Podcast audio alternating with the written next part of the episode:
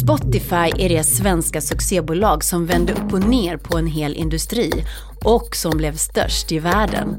Men varför lyckades just Daniel Ek och Martin Lorentzon med det som alla sa var omöjligt? Vi tar det med bakom framgången på Spotify.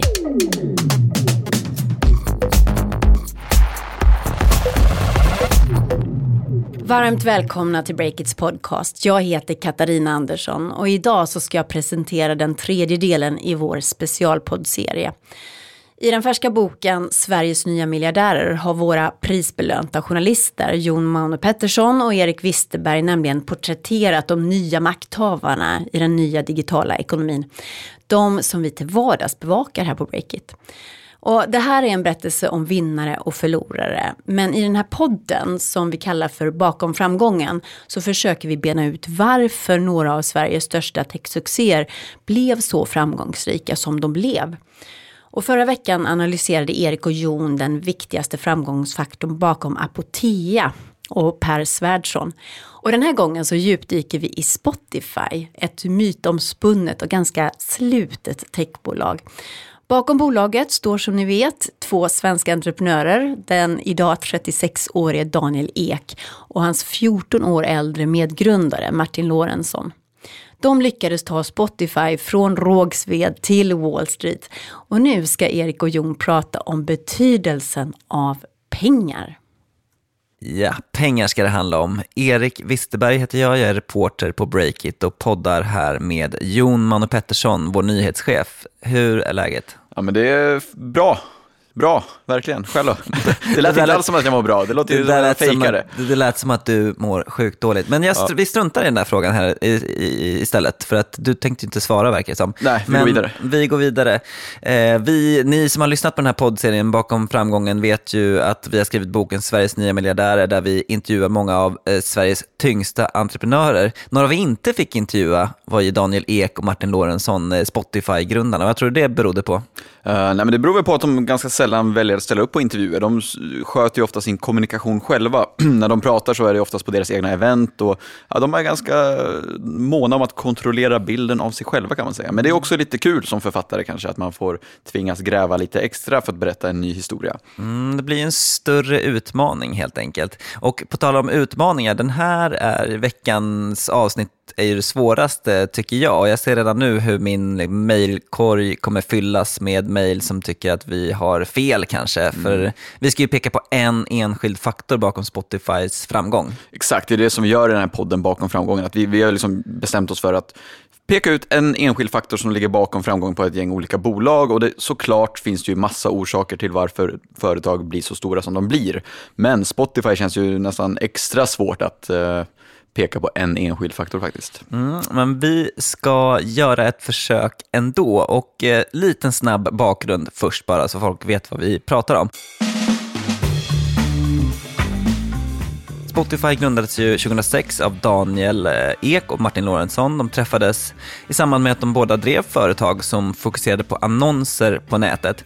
Och de började gilla varandra, startade senare upp det som blev Spotify. Namnet kom ju lite av en slump när de satt hemma hos Daniel Ek i Rågsved och bollade namnförslag. Ja, så var det. Och från början var det ju inte självklart att Spotify skulle fokusera på musik faktiskt, utan tidigt diskuterades även en filmtjänst. Liksom, den röda tråden var någonstans att man ville bygga en, en medieplattform kanske man ska säga, som skulle kretsa kring annonser. Man ville dra stora mängder användare till en plattform som kanske musik eller kanske film eller något liknande och tjäna pengar på det. Det handlade om pengar alltså? Ja, det beror på hur man ser det. Liksom. Sen har ju, bilden har ju ändå målats upp som att det är, liksom, det är musiken som var det drivande. Men om man pratar med folk som ändå var involverade tidigt i projektet så då pratar man ändå om att det byggdes som en innehållsagnostisk plattform. Alltså en plattform som inte var helt det kunde handla om film, det kunde handla om musik, men sen visade det sig att musik var liksom det, det lättaste att landa hem rättigheter för. Och, och, det var inte så lätt det heller. Nej, just det. Man kan glömma bort det där ibland när man lyssnar på Daniel Ek eh, som nu pratar om hur han startade Spotify för att rädda musikbranschen från eh, kollaps. På den här tiden, för de som har glömt det, så dominerade ju piratkopieringen i Sverige. Musikindustrin var verkligen i kris. Folk slutade köpa skivor, tankade hem det de ville lyssna på.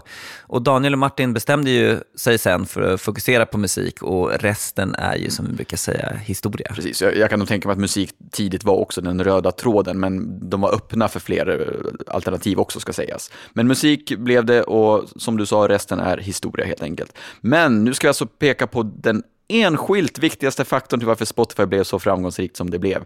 Uh, och det är som sagt sjukt svårt. Daniel Ek, han är ju lite av ett geni får man väl kanske säga, eller vad säger du?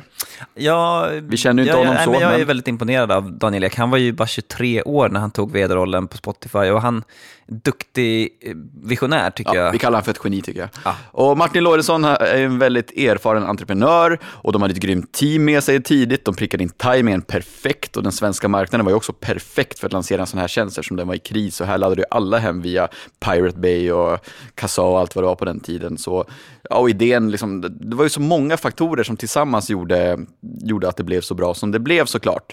Men, men, men, men, vi ska ändå peka på en enskild faktor. Mm, och det är det som särskiljer Spotify från många andra unga lovande bolag och mot andra som kanske hade ungefär samma idé vid samma tid. So we were a little bit of an odd duck in the sense that we bootstrapped this uh, ourselves, and we had money uh, from before. So we ended up investing almost ten million dollars of our own money.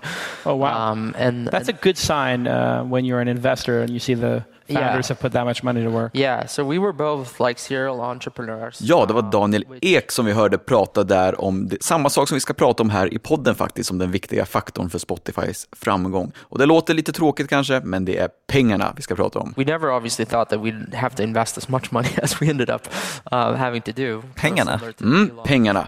Det är som sagt, eh, det finns, ma- finns ju massa pusselbitar i framgångssagan Spotify, men faktumet att Daniel Ek och framför allt Martin Lorentzon hade en förmögenhet som de vågade investera i Spotify, det, det skulle jag säga har varit kanske liksom den viktigaste pusselbiten för att allt det andra skulle falla på plats.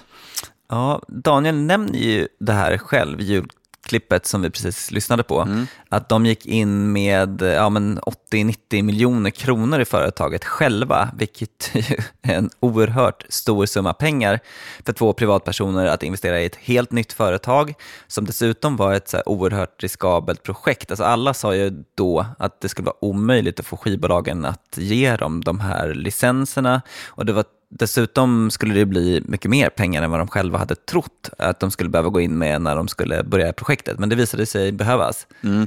Ja men verkligen, och just det där liksom, hur riskabelt det här projektet var, det är ju nästan svårt att eh, är nästan svårt att greppa idag egentligen. Många liksom, affärsidéer och sånt är ändå att man kanske utvecklar en produkt och sen börjar man sälja den och så får man lite traction och så hoppar investerarna på. Så var det ju inte riktigt i fallet Spotify, utan fallet Spotify, de skulle ju bygga först en, liksom, en väldigt unik och jätte, jättebra produkt och sen så skulle de liksom ut och få med sig en massa skivbolag att liksom ge bort sin, eller ge bort inom situationstecken sin katalog till Spotify. Och, och sen ska man liksom få kunder att börja betala på ett helt nytt sätt för musik. Så det var ju liksom extremt många osäkra variabler på vägen någonstans. Och, och det är klart att liksom ingen investerare från början vågar hoppa på det. Så då krävdes ju helt enkelt att Martin och Daniel gick in med liksom de här enormt stora summa pengar, summorna pengar eh, för att liksom köra igång Spotify. Ja, det är lite sådär moment 22, att man kan liksom inte få in kapitalet förrän man har produkten och man kan inte ha produkten förrän man har skivbolagen och så vidare. Ja. Och, ja, men eh, tänk, liksom, låt säga att det är nog många som satt på den här idén att, liksom, åh, vad, tänk eller kanske inte jättemånga, men en del satt nog i alla fall på den här idén att liksom, streama musik och det fanns ju lite olagliga varianter och sådär också. Men det var ändå, liksom, det kändes ju inte på den tiden görbart att bygga liksom, en produkt och tjäna pengar på och få med sig skivbolagen. Nej, det, det bubblade ju lite kring den här typen av lösningar redan då. Det som var liksom annorlunda då också, ska man komma ihåg, för idag så, eller de senaste åren har det flödat riskkapital i den här sektorn och eh, idag skulle det nog vara betydligt lättare att eh, resa pengar. Ja, och Men- Det är bara att titta på liksom ett bolag som Voi till exempel, som också kommer med en ny typ av produkt och tjänst. Det är inte självklart att liksom, den svenska marknaden ska, ska älska Voi till exempel, när det börjar snöa och regna och sådär. Men ändå så lyckas man ju få in liksom miljardkapital på mindre än ett år till exempel. Så det är en parallell man kan jämföra i alla fall lite grann. Att, liksom, det var en skillnad 2006, liksom några år efter IT-bubblan och hur det ser ut idag. Mm, precis. Men om man ska snöa in lite på eh, Spotify då. Det var ju inte bara avsaknaden av riskkapital på marknaden i Sverige då som gjorde att ingen vågade satsa förutom grundarna själva. För att eh, grundförutsättningen för att Spotify skulle kunna bli av var ju licenser för världens stora skivbolag, alltså de som äger all musik i stort sett i hela världen. Alltså utan musiken så skulle ju inte Spotify ha någonting. De fyllde ju Spotify med piratnedladdad musik under tiden de byggde pro prototypen, vilket är lite, lite roligt. Och eh, en av kodarna, Ludvig Stregeus, hade också byggt världens största liksom, eh, piratnedladdningsklient, eh, uTorrent eller Microtorrent. Så att, eh, det, det är en rolig detalj. Ja. Men Samtidigt behövdes det också pengar för att ens kunna få de här licenserna. Skivbolagen de vill inte ge bort bort eh, hela sin musikkatalog till en gratistjänst utan att få en, ett förskott. Så att för att Spotify skulle kunna lanseras så krävde, krävdes egentligen att riskkapitalbolagen hoppade på så att de i sin tur skulle kunna betala liksom, jag vet inte vad det var, hundratals miljoner eller Det var väldigt 100 stora miljoner. summor och förmodligen mer pengar. Även om Martin Lorentzon var väldigt förmögen så var det nog ändå större summor än vad till och med han kunde gå in med på den tiden. För eh, det, det tog ju flera år också. Det ska ju också, får man ju komma ihåg också, att Spotify att bygga hela produkten och sen åka runt i två år, eller två och ett halvt år kanske det var till och med, som Daniel Ek flög runt världen runt och liksom bara förhandla med olika skivbolag. Ja. Det är många magar på ett kontor som ska fyllas under den här tiden. Och utan riskkapital och utan några intäkter så är det ju det är klart att det kostar pengar. Så det, det här är ju ganska unikt skulle jag säga. Och hade inte som sagt pengarna funnits, då hade de inte kunnat gjort det här. Nej. Men med skivbolagen, så var det ju också att visst, svenska marknaden var ju kris på den här tiden. Det liksom, alla laddade hem musik och ja, skivbolagsbossarna på den tiden har ju vittnat om hur många människor de fick sparka och liksom att ja, piratkopieringen hade ju slagit sönder hela branschen. Så Daniel Ek trodde att det skulle gå väldigt enkelt det här. Men skivbolagen vill ju fortfarande vara säkra på att vi kan inte bara ge bort hela vår katalog till er utan att, och sen kanske i framtiden börja konvertera till betalande kunder. Utan de vill ju ha ett förskott liksom på att, som motsvarar x antal streams i framtiden och sådär. Och Just det, det. det var där riskkapitalet kom in. Och det var ju lite intressant för att samtidigt som eh, Daniel Ek kuskade runt eh, världen för att hämta in de här licenserna, Ja. så eh, var ju Per-Jörgen Persson på Northzone, han har ju berättat att han var Han runt kuskar runt bland investerarna. Ja, på någon slags Europaturné. För han, han blev ju väldigt fångad. Jag tror att det var när han liksom fick testa den här betan av Spotify, bara tryckte på datorns play-knapp och så kom det musik. Så att han trodde på det. Eh, Men Och det var ju en stor del av pitchen också såklart, att liksom visa upp produkten och sådär. Men uh, Lorentzon då, hur... För det, det gick, ärligt talat så gick det kanske inte jättebra och det kan vara, det, det kan vara riskkapitalbolagen som missade potentialen eller så kanske det var att de inte... Ja, hur kom det sig att det dröjde så länge då att kapitalet kom in? Om vi bortser från det här med skivbolagen och allt det där, även om det är en viktig faktor. Ja, alltså jag vet inte, det kanske, de kanske var dåliga på att pitcha. det kanske man inte kan säga. De kanske var bra. Men en riskkapitalist berättade ju att eh, Martin Lorentzon drog eh, vad han kallade den mi- minst visionära pitchen som han någonsin hade hört över någon så här fyra små rätter på en sunkigt kinahak. Och sen så var ju Martin Lorentzon väldigt tuff i förhandlingarna. Alltså han satt ju... Lite paradoxalt på något sätt. Ja, men han satte ett, väldigt, ett, ett högt värde på ett bolag som ingen visste skulle bli av eller inte. Och eh, han ville inte ge ut några så här preferensaktier som är ett säkrare alternativ för investerare. Han var ju redan väldigt slipad affärsman som inte tidigt då ville ge bort för mycket av sitt bolag, utan då föredrog han ju att liksom, ta ur sin egen Så ficka under pitchen mot investerarna var egentligen att här är det ett jätteriskabelt projekt, men som vi tror väldigt mycket på, vi har en bra produkt, men det, det är dyrt att köpa in sig redan från start, trots att vi inte tjänar några pengar eller har några intäkter eller ens avtal på plats, så var det ju en väldigt hög värdering på bolaget. Ja, men precis. Och folk beskriver ju Daniel Ek som kanske den som var bättre på att formulera visionen. Sådär. Han var ju uppfylld av det här, alltså vi måste göra det bättre än gratis. Och att de försökte få det som att det skulle kännas som att all världens musik fanns på din dator. Eh, så att, eh, det tror jag väl var det som Per-Jörgen Persson blev fångad av helt enkelt. Men sen tror jag också att, liksom, på tal om pengarna igen, att Lorentzon kan ju ha den här typen av tuffa förhandlingsstil eftersom de själva kunde finansiera väldigt långt i alla fall. Utan. Idag, om du skulle starta ett företag till exempel, då har du ju inte liksom, x antal hundra miljoner att gå in med. Och tacka, du har inte råd att tacka nej till investerare på samma sätt.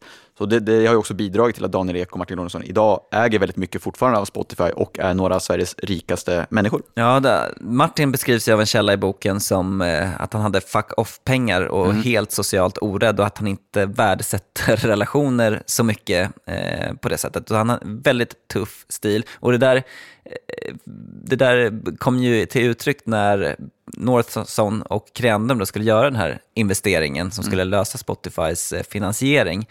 Det var bara några dagar innan de skulle skriva på avtalen så ringde eh, Martin Lorentzon upp till Per-Jörgen Persson och sa att de skulle ändra alla belopp från dollar till euro.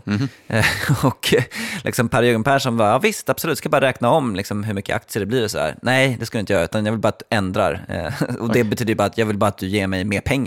Just det, för samma eh, andel och sådär. Ja. Och eh, det, det hade ju lätt kunnat få de här investerarna att backa ur. Ja, det är ju extremt modigt får man ju säga, våghalsigt. Eh, Sen ska sägas också Per-Jörgen Persson, jag för mig också så att han, eh, han hade ju lite ingångar i musikbranschen och sådär som visste om att de här avtalen var ändå lite på väg att landa till slut. Så jag tror att han, det är också ett skäl till att North, just Northson vågade hoppade på till slut och Creandum hoppade på också. Ja, han skrev ju också in en liten så här hängsten och livrem klausul, om jag minns rätt, att för att den här investeringen skulle falla ut så skulle två av fyra majorbolag ha signat avtalen, om jag inte minns det helt fel där. Mm, och det, den känns ju som en väldigt avgörande pusselbit, att man ändå safear upp lite grann.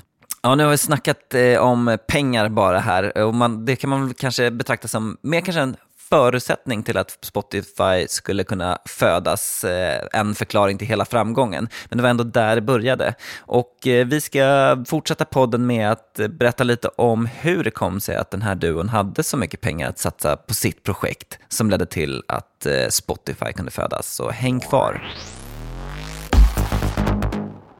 Hallå, hallå! Här är det Stefan Lundell som pratar som inte har funderat jättemycket över vad han ska säga nu mer än att eh, vi faktiskt drar igång, eller har dragit igång en eh, Breakit Premium-tjänst som innebär att vi paketerar eh, vår journalistik eh, och eh, ger ut den till de som betalar kort sagt. Vi är en stor satsning på kvalitetsjournalistik som vi gör.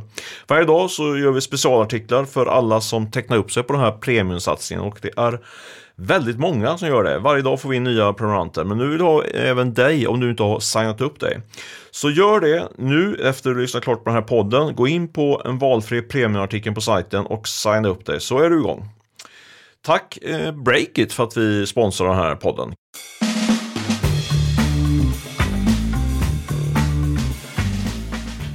Ja, den stora finansiären bakom Spotify i början var ju alltså Martin Lorentzon. Han kanske lite mer doldis än Daniel Ek och han är, idag jobbar inte så mycket med Spotify längre. Så vem är han egentligen? Han växte upp i Borås och pluggade till eh, civilingenjör i Göteborg och var liksom engagerad i kårliv och jobbade extra som städare på Volvo. Sen fick han traineeplatser på Telia och Alta Vista och riskkapitalbolaget Cell Ventures kom han till. Det var där som han träffade Felix Hagnö som han senare skulle starta bolag med, Trade Doubler. Precis, och det är ju ett bolag som arbetar med ja, förenklat automatiska digitala annonser på nätet, eller kan man säga så? Ja, det kan man ju verkligen säga. Det var ju en ny nisch då, som kunde eh, kapitalisera på den stora trafiken som började komma på internet. Det här blev i alla fall ett väldigt framgångsrikt bolag, ett av de få som liksom överlevde IT-bubblan. Och Martin Lorentzon cashade senare in ett par hundra miljoner kronor på sina aktier eh, och han fick då de här så kallade fuck off-pengarna, eh, som det brukar kallas. Så mycket pengar som man kan göra lite som man vill. Just det.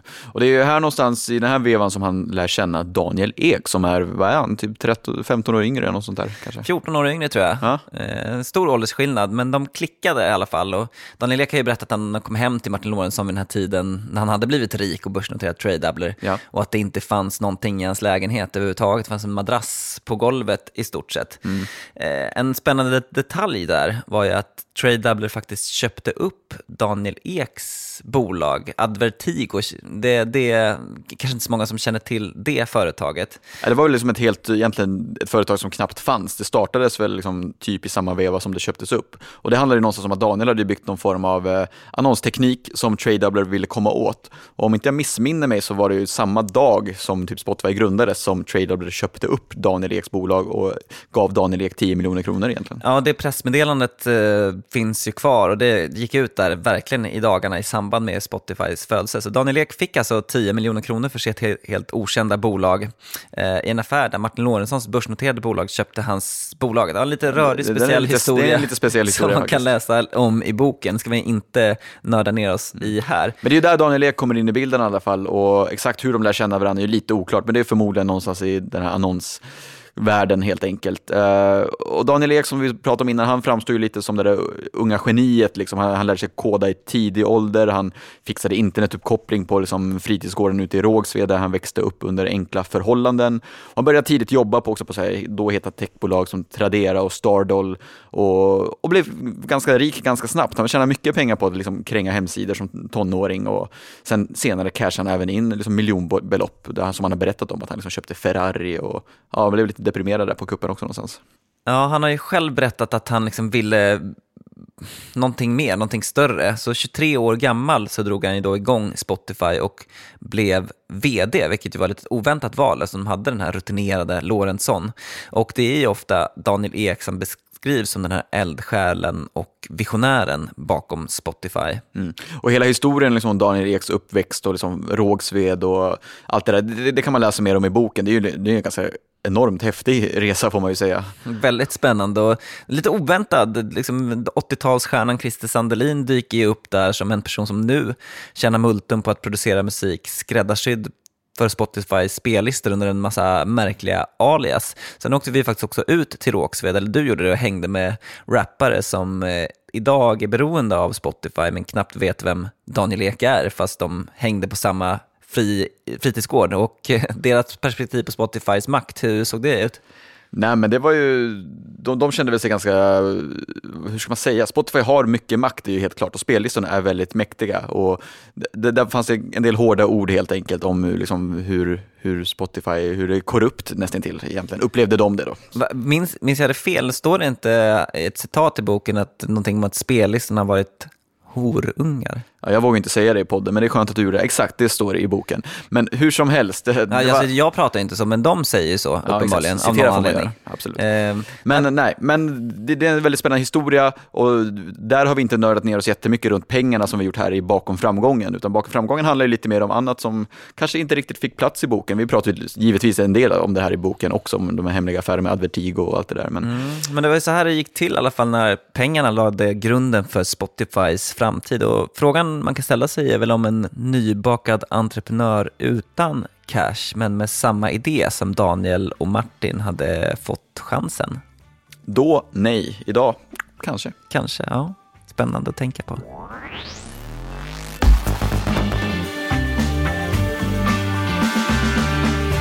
Det här var det tredje avsnittet av specialpodden Bakom framgången härifrån Breakits redaktion.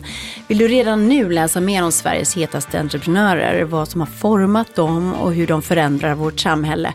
Då kan du surfa in på bokus.se och söka upp boken Sveriges nya miljardärer.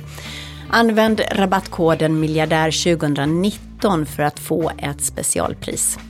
Boken den har ju fått bra recensioner så missa inte den. Det är alltså Erik och Jon som ligger bakom.